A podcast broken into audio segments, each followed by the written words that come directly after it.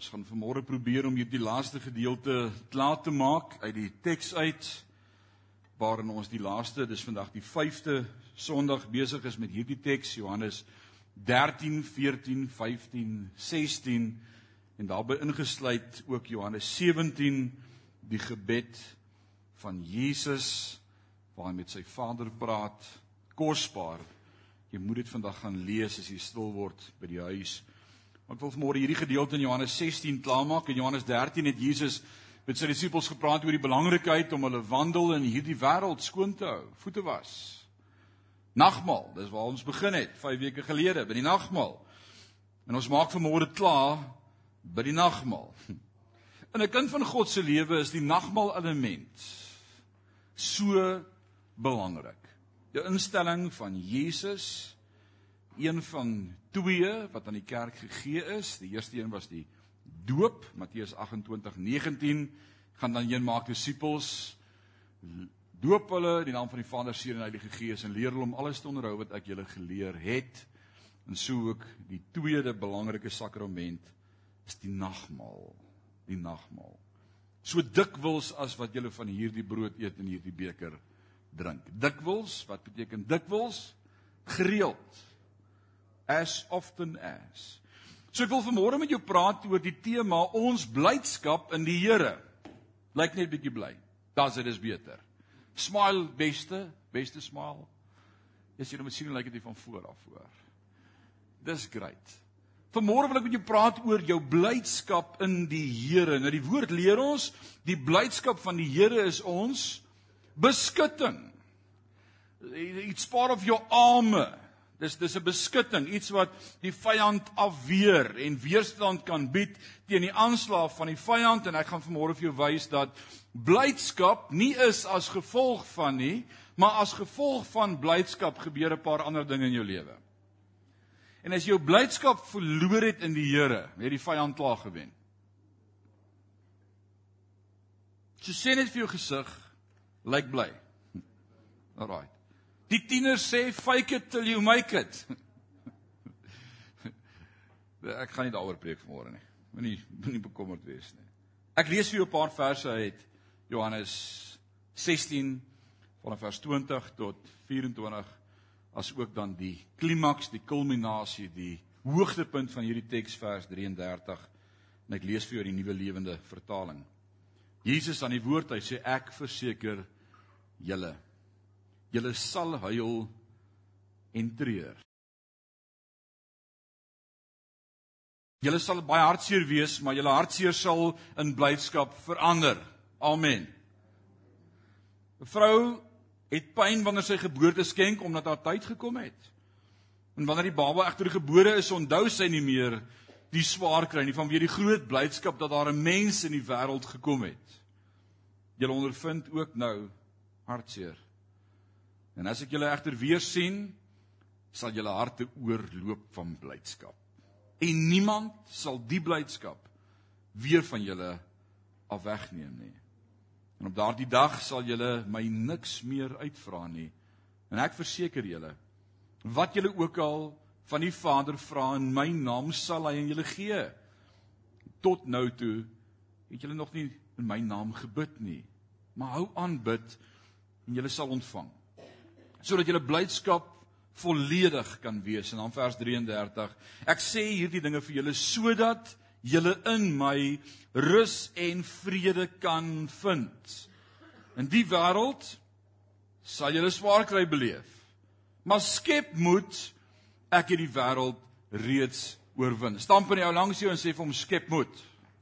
Alraai Dit wat ons vanmôre kom doen, ons kom moed skep. Dis 'n 'n mooi beskrywing vir wat 'n diens vir 'n Christen is. 'n Plek waar ons kom moed skep. Nou in hierdie gedeelte Johannes 16 vanaf vers 16 tot 33 sluit die boefretrek diskoers af. Dis die einde van hierdie gedeelte waar Jesus in Johannes 13 begin het en die boefretrek en met hulle gedeel het rondom sy einde wat naby kom uh dat hulle reeds gerein is of gereinig is met die woorde wat hy tot hulle gespreek het. Toe dan Johannes 14:1 begin met die woorde laat julle harte nie ontstel word nie glo in God glo ook in my in die huis van my Vader is al baie wonings en ek gaan vir julle om 'n plek voor te berei En as ek gegaan het, kom ek terug sodat julle ook kan weet waar ek is. En daardie pragtige gedeelte in Johannes 14 oor ons ken reeds die Vader, die hart van die Vader, hoe hy oor ons voel dat ons met hom mag praat. En dan kom Johannes 15, die gedeelte oor ek is die wynstok en julle die lote. En wie in my bly en ek in hom dra veel vrug. En ons het met mekaar gepraat in daardie week oor die verantwoordelikheid om vrug te dra. Dis awesome om te sê ek's in hom. Maar as ek in hom is, is daar ook 'n verantwoordelikheid om vrug te dra. En dan het ons laasweek gepraat oor die kosbare teenwoordigheid van die Heilige Gees, ons vriend en ons raadsman wat leiding gee. Maar wat ook deur ons as kerk getuig na die wêreld toe. Dis 'n groot belangrike een wat ons laasweek gesien het, is dat ons getuies kan wees vir hom. En dan vanmôre praat ons oor hierdie awesome tema, die blydskap in die Here. Nou sy disippels was bedroef. Hulle was ontstel, hulle was hartseer, hulle was verward oor die lering van Jesus en hulle was bang. Hoe weet ons dit? Want net 'n paar verse verder gaan ons lees hoe dat ou Petrus sy swaard saamgevat het daardie aand, skelm hier in sy binnekleed ingedruk het in sy beld en toe ou die hoëpriester se diensknegte en die die gevange die die manne die weermag naderkom saam met wie Jesus verloon? Pilaat, hè? Oor Pontius Pilatus, Judas Iskariot, 'n ander storie, het uh het hy sy swaard uitgetrek en hy het ou Melchus se oor afgekap. So hulle was bang, daar was bekommernis in hulle hart. Hulle het nie lekker verstaan hoe om hierdie goed te glo nie. Dis vir my so aanmoediging om te weet dat die disippels regte manne was met werklike probleme, maar tog kon die Here hulle gebruik en dit wil sê, hoeveel te meer kan hy my en jou ook gebruik as deel van sy koninkryk. Alraai, soos okay om soms bang te wees, maar die woord van God bring vir ons daardie rustige en kalmte in ons gemoed. En ons kry soms die wans in die wanindruk dat hierdie manne anders as ons was dat hulle ander kennis as ons gehad het en ander geestelike vermoëns besit het en meer moed gehad het as ek en jy, maar dit was nie die geval nie. Hulle was gewone mense. En een van die herhaaldelike temas wat in hierdie gedeelte van die Bybel afspeel en die woord wat telke maal in hierdie teks vanmôre na ons gaan kom is die woord blydskap. Blydskap, so hulle is hartseer, hulle treur, hulle is deurmekaar, hulle is verwant en en en Jesus se woord aan hulle die heeltyd is blydskap. En die 11 van hulle het beslis nie op hierdie stadium blydskap ervaar nie. Maar wat Jesus vir hulle gesê het, het uiteindelik 'n verskil in hulle lewens gemaak, net soos dit vandag in my en jou lewe 'n verskil gaan maak as ons hierdie teks vanmôre verstaan. So daar's net 3 punte wat ek wil uitlig in hierdie dag wat ek met jou wil praat. En ek wil sê geduldig het Jesus verduidelik hoe sy mense vreugde in hulle lewens kan hê en dis ook vanmôre vir my en vir jou. Die eerste punt is die beginsel. Ek en jy moet dit verstaan. Ons vind dit van vers 16 tot 22. Die beginsel is eenvoudig dit. God bring vreugde in ons lewens nie deur ons probleme te vervang met vreugde nie, maar deur transformasie. As jy dit mis en wag vir vervanging gaan jy nooit blydskap ontvang nie. Jou blydskap word nie aan jou gegee in die plek van pyn en seer en lyding en siekte en al hierdie dinge wat ons in hierdie wêreld beleef nie. Nee. Maar die proses help my en daar vind transformasie plaas sodat ek my blydskap in die Here vind te midde van my situasie. Jy sien daar's te veel teologie daar buite, vervangingsteologie wat vir my leer dat in die plek van al hierdie dinge wat eintlik sonde is, God kom en net vir jou die oorvloed gee, name it and claim it. Spreek net lewe. Sê net daar's geld in jou bank, dan is daar geld in jou bank. Sê net jy soek 'n Mercedes, dan kry jy een. Maar wat hulle vergeet om vir jou te sê is daai Mercedes kom met 'n paaiement. Maar God beloof ons dat saam met die hartseer, saam met al hierdie dinge wat ons beleef, kom ook die oorwinning. En dis 'n awesome beginsel om vanmôre te verstaan. En sy illustrasie van 'n vrou wat geboorte gee, maak dit duidelik. Dieselfde baba wat die pyn veroorsaak, het ook die vreugde gebring. Alle maas kan nou sê amen.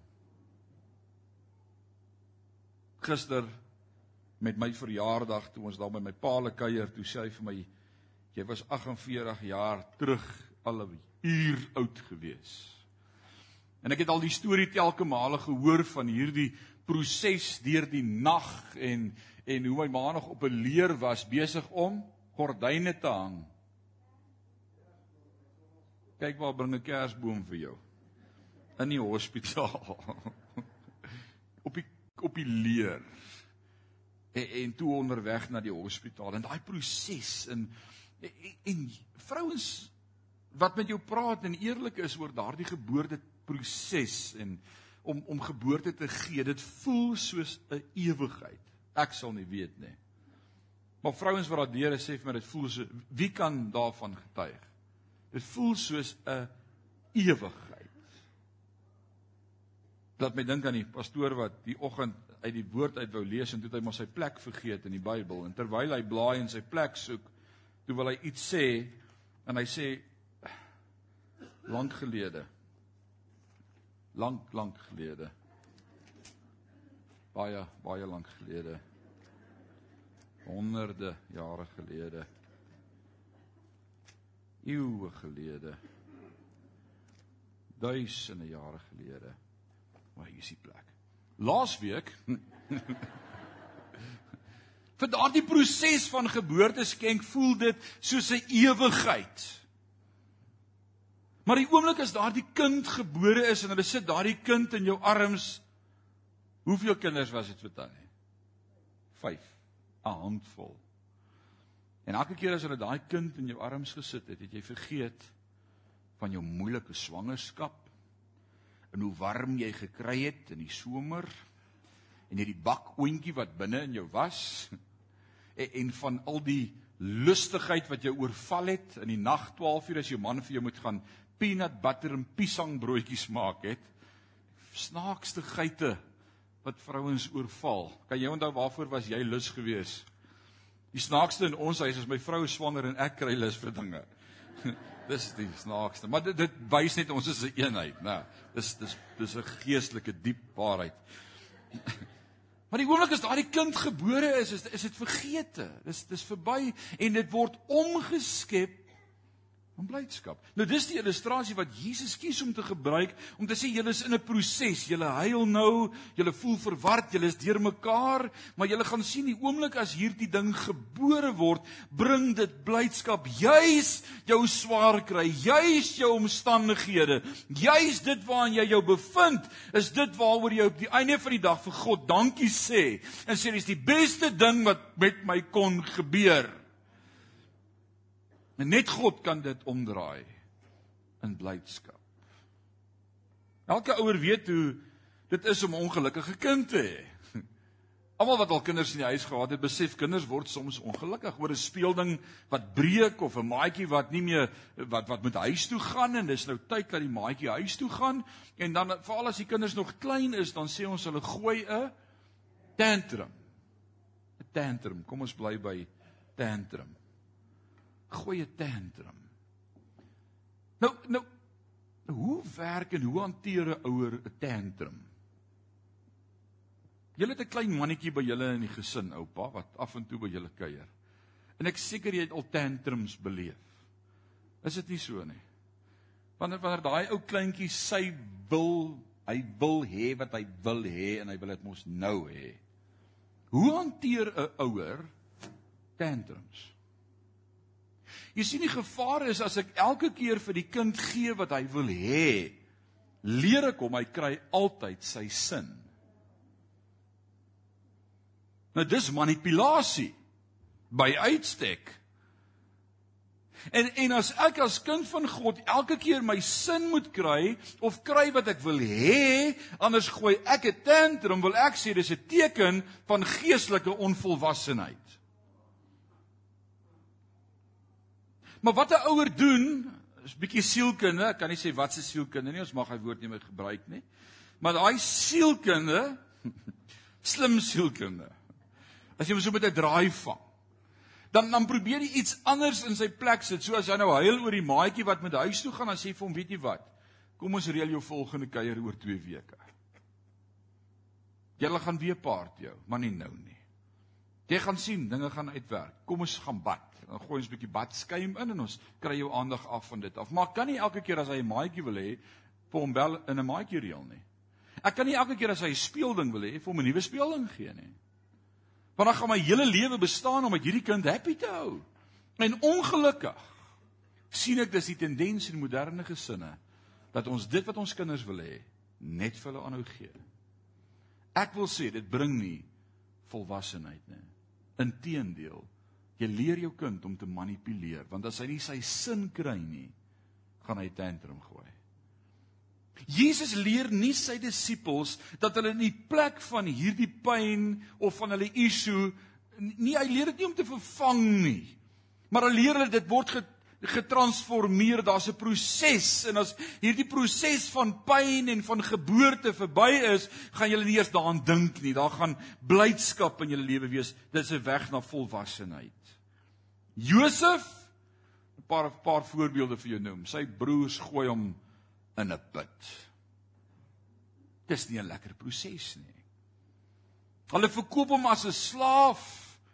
En Potifar het hom as 'n misdadiger in die tronk gesit. Maar God het hierdie hopelose situasie van nederlaag verander in oorwinning. In die proses het God hom geposisioneer om op die plek te wees waar God hom wou hê sodat God hom kan bevordering gee. Jy sien dis wat die vyand met my en jou doen om in hierdie proses van dinge wat skeefloop vir jou te sê, "Hey, waar's God?" Ou Josefie, waar's God nou, my boetie? Jy's in 'n put, jy's verkoop, jy's in 'n tronk in 'n vreemde land. Dink jy God worry oor jou? En as ek en jy dan 'n tantrum gaan gooi en sê, "Here, ek wil nie in die tronk wees nie." Dan mis ons die transformerende proses na oorwinning. As ek en jy kan leer om God te vertrou selfs in die tronk. Want ek weet, en dis wat Paulus vir ons leer in Romeine 8:28, for I know that all things worketh together. Alles werk mee ten goeie. Man, jy moet bietjie groei in jou verhouding met die Here om dit te begin verstaan en dan uiteindelik die oorwinning. Egipte vir Israel Israel is in ballingskap, werk hard van vroeg tot laat, kap klippe en bou die piramides. In slawerny.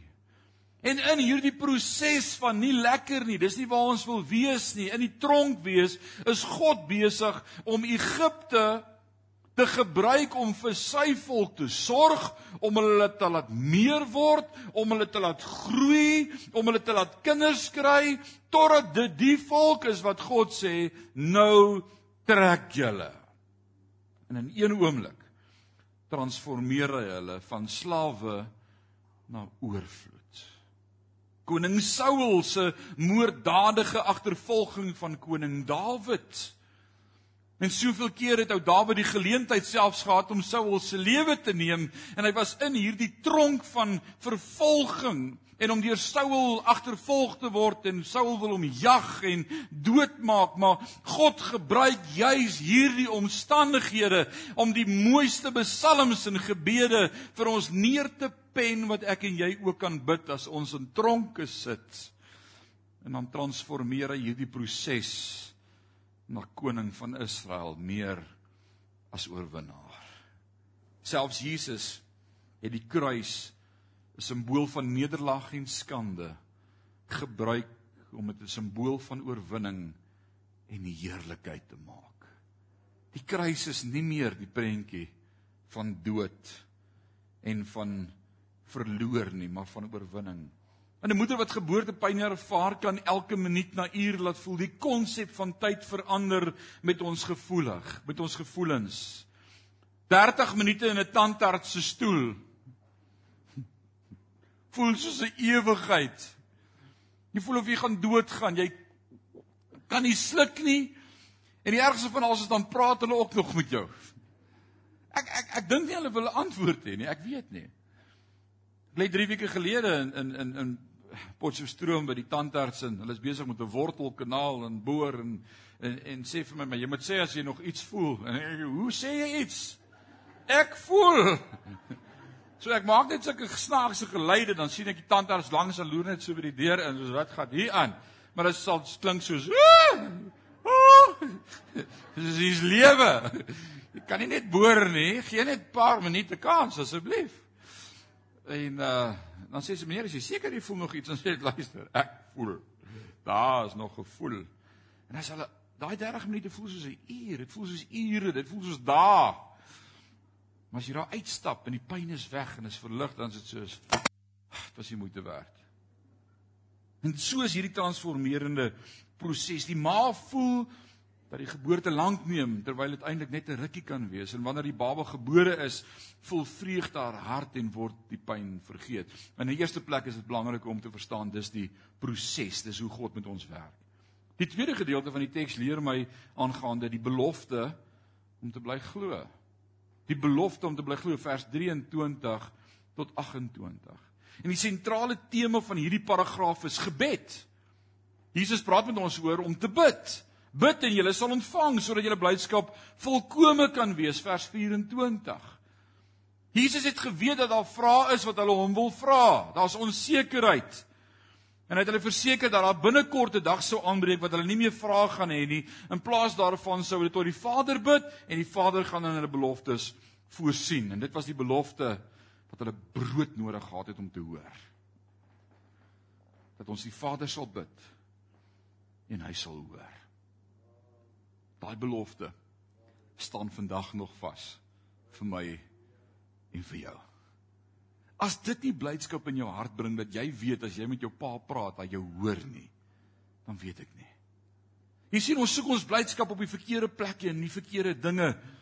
Dat die Vader hulle liefhet en hulle versoeke sou aanhoor en in hulle behoeftes sou voorsien. En terwyl Jesus op aarde was, het hy aan alle behoeftes van die disippels voorsien.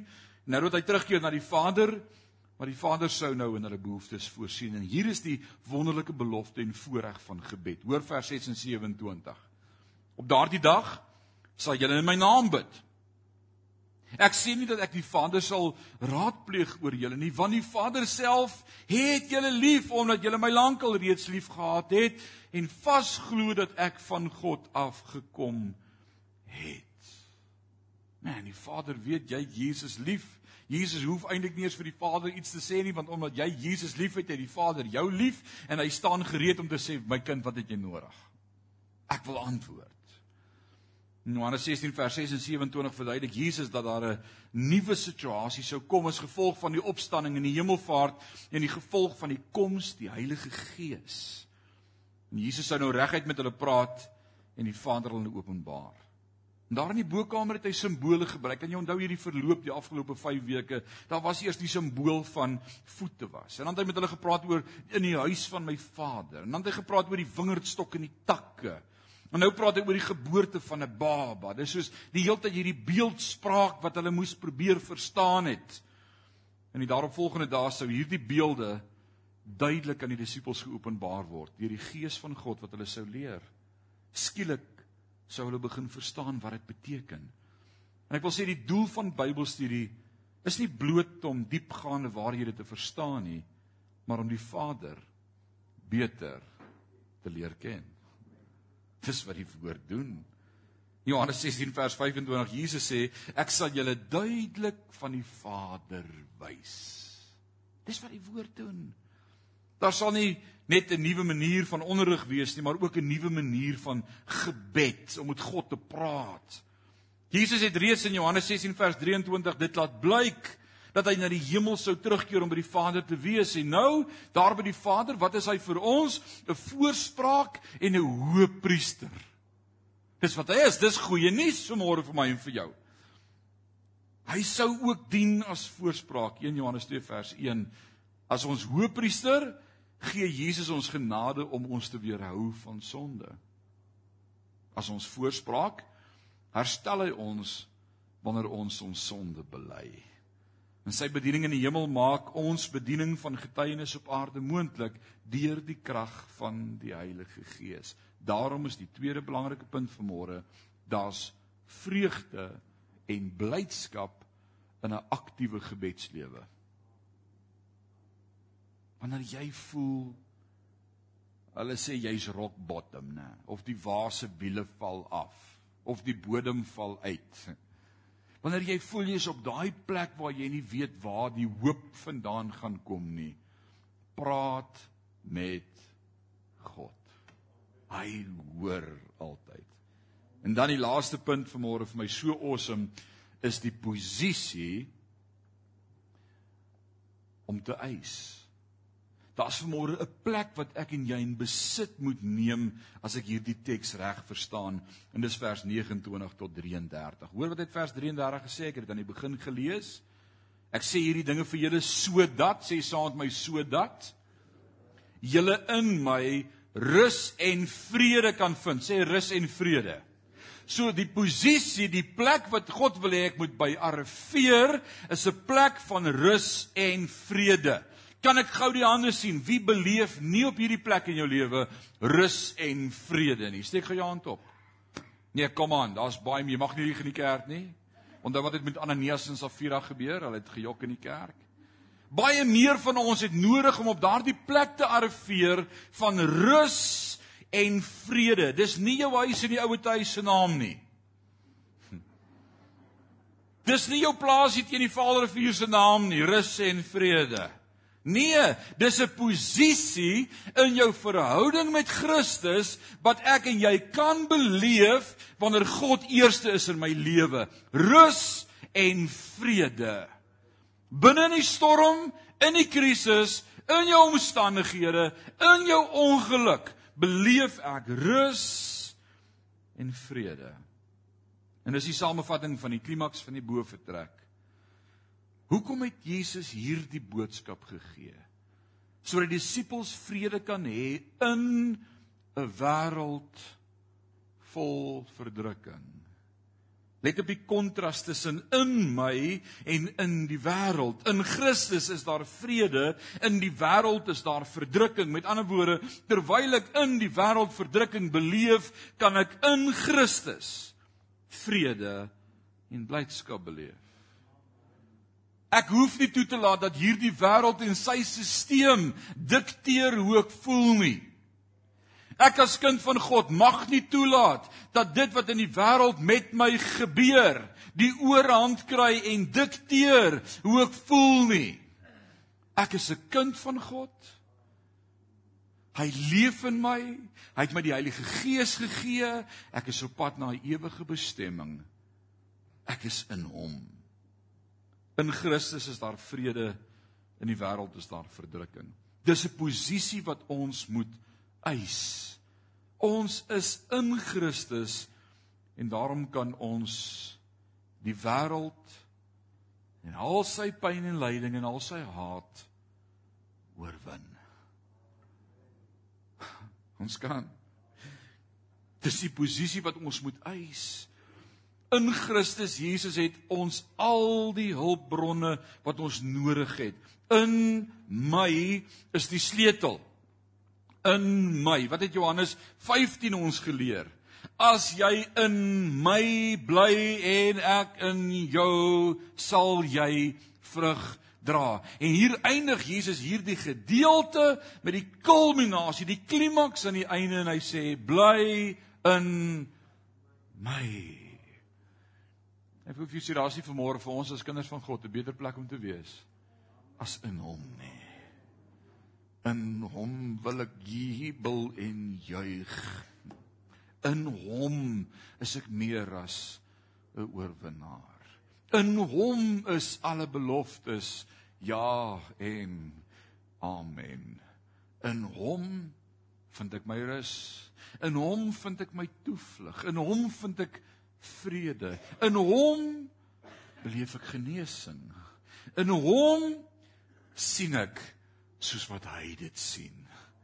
En dis die geheim vir my en jou as kind van God en hierdie vakansietydperk wat voorlê in die wêreld wat klip hard al op hulle speakers jingle bells jingle bells jingle all the way speel en dan dink jy gaan meer koop en jy gryp na meer goed en vrouens wil mekaar doodslaan oor die laaste speelding in 'n rak vir 'n klein kind wie weet waarvan ek praat en daai muur wat opvlam in jou binneste net wanneer jy dink ek moet dorp toe gaan Dis 'n oorweldigende gevoel. Ek het nou vir my vrou gesê ons moet alles klaar koop wat ons wil hê tot einde Januarie.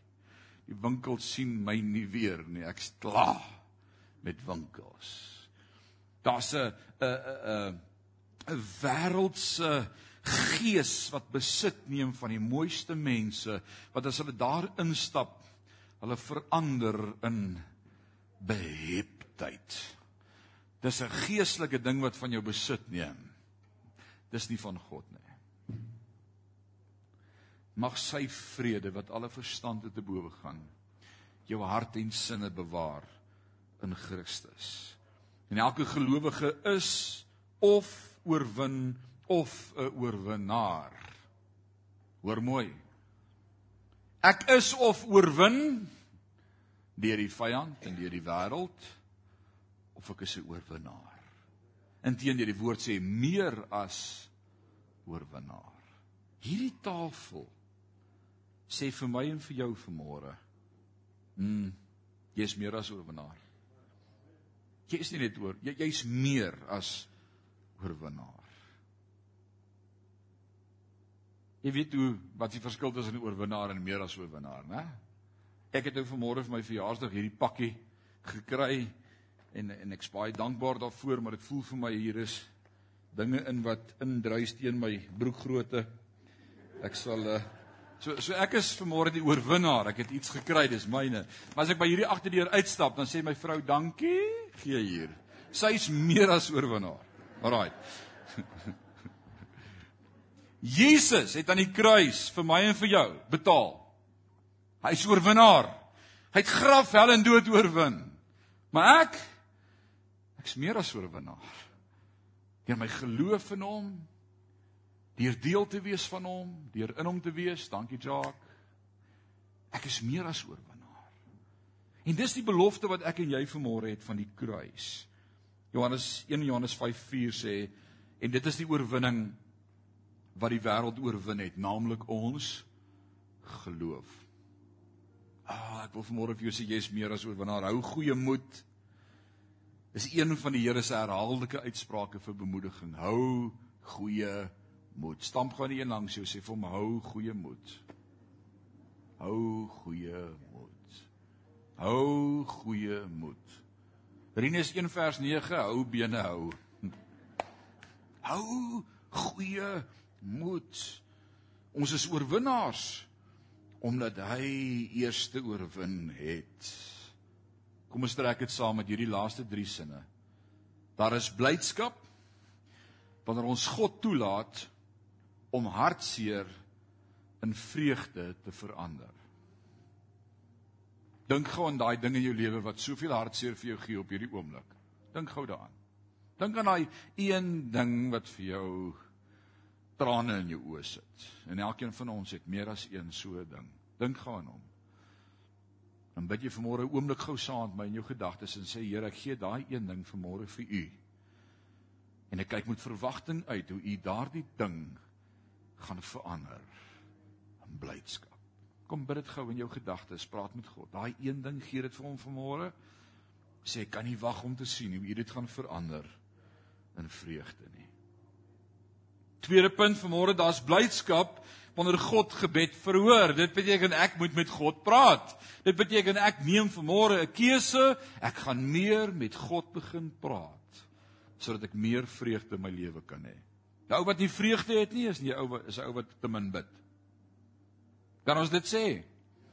As jy te min vreugde het, bid jy te min. So ek gaan na julle gesigte kyk en vir jou sê broer, jy bid heeltemal te min. Jy kort 'n smaal op jou gesig. Die laaste punt Daar is blydskap wanneer ons die wêreld oorwin. En dis deur die woord van ons getuienis en deur die bloed van die lam.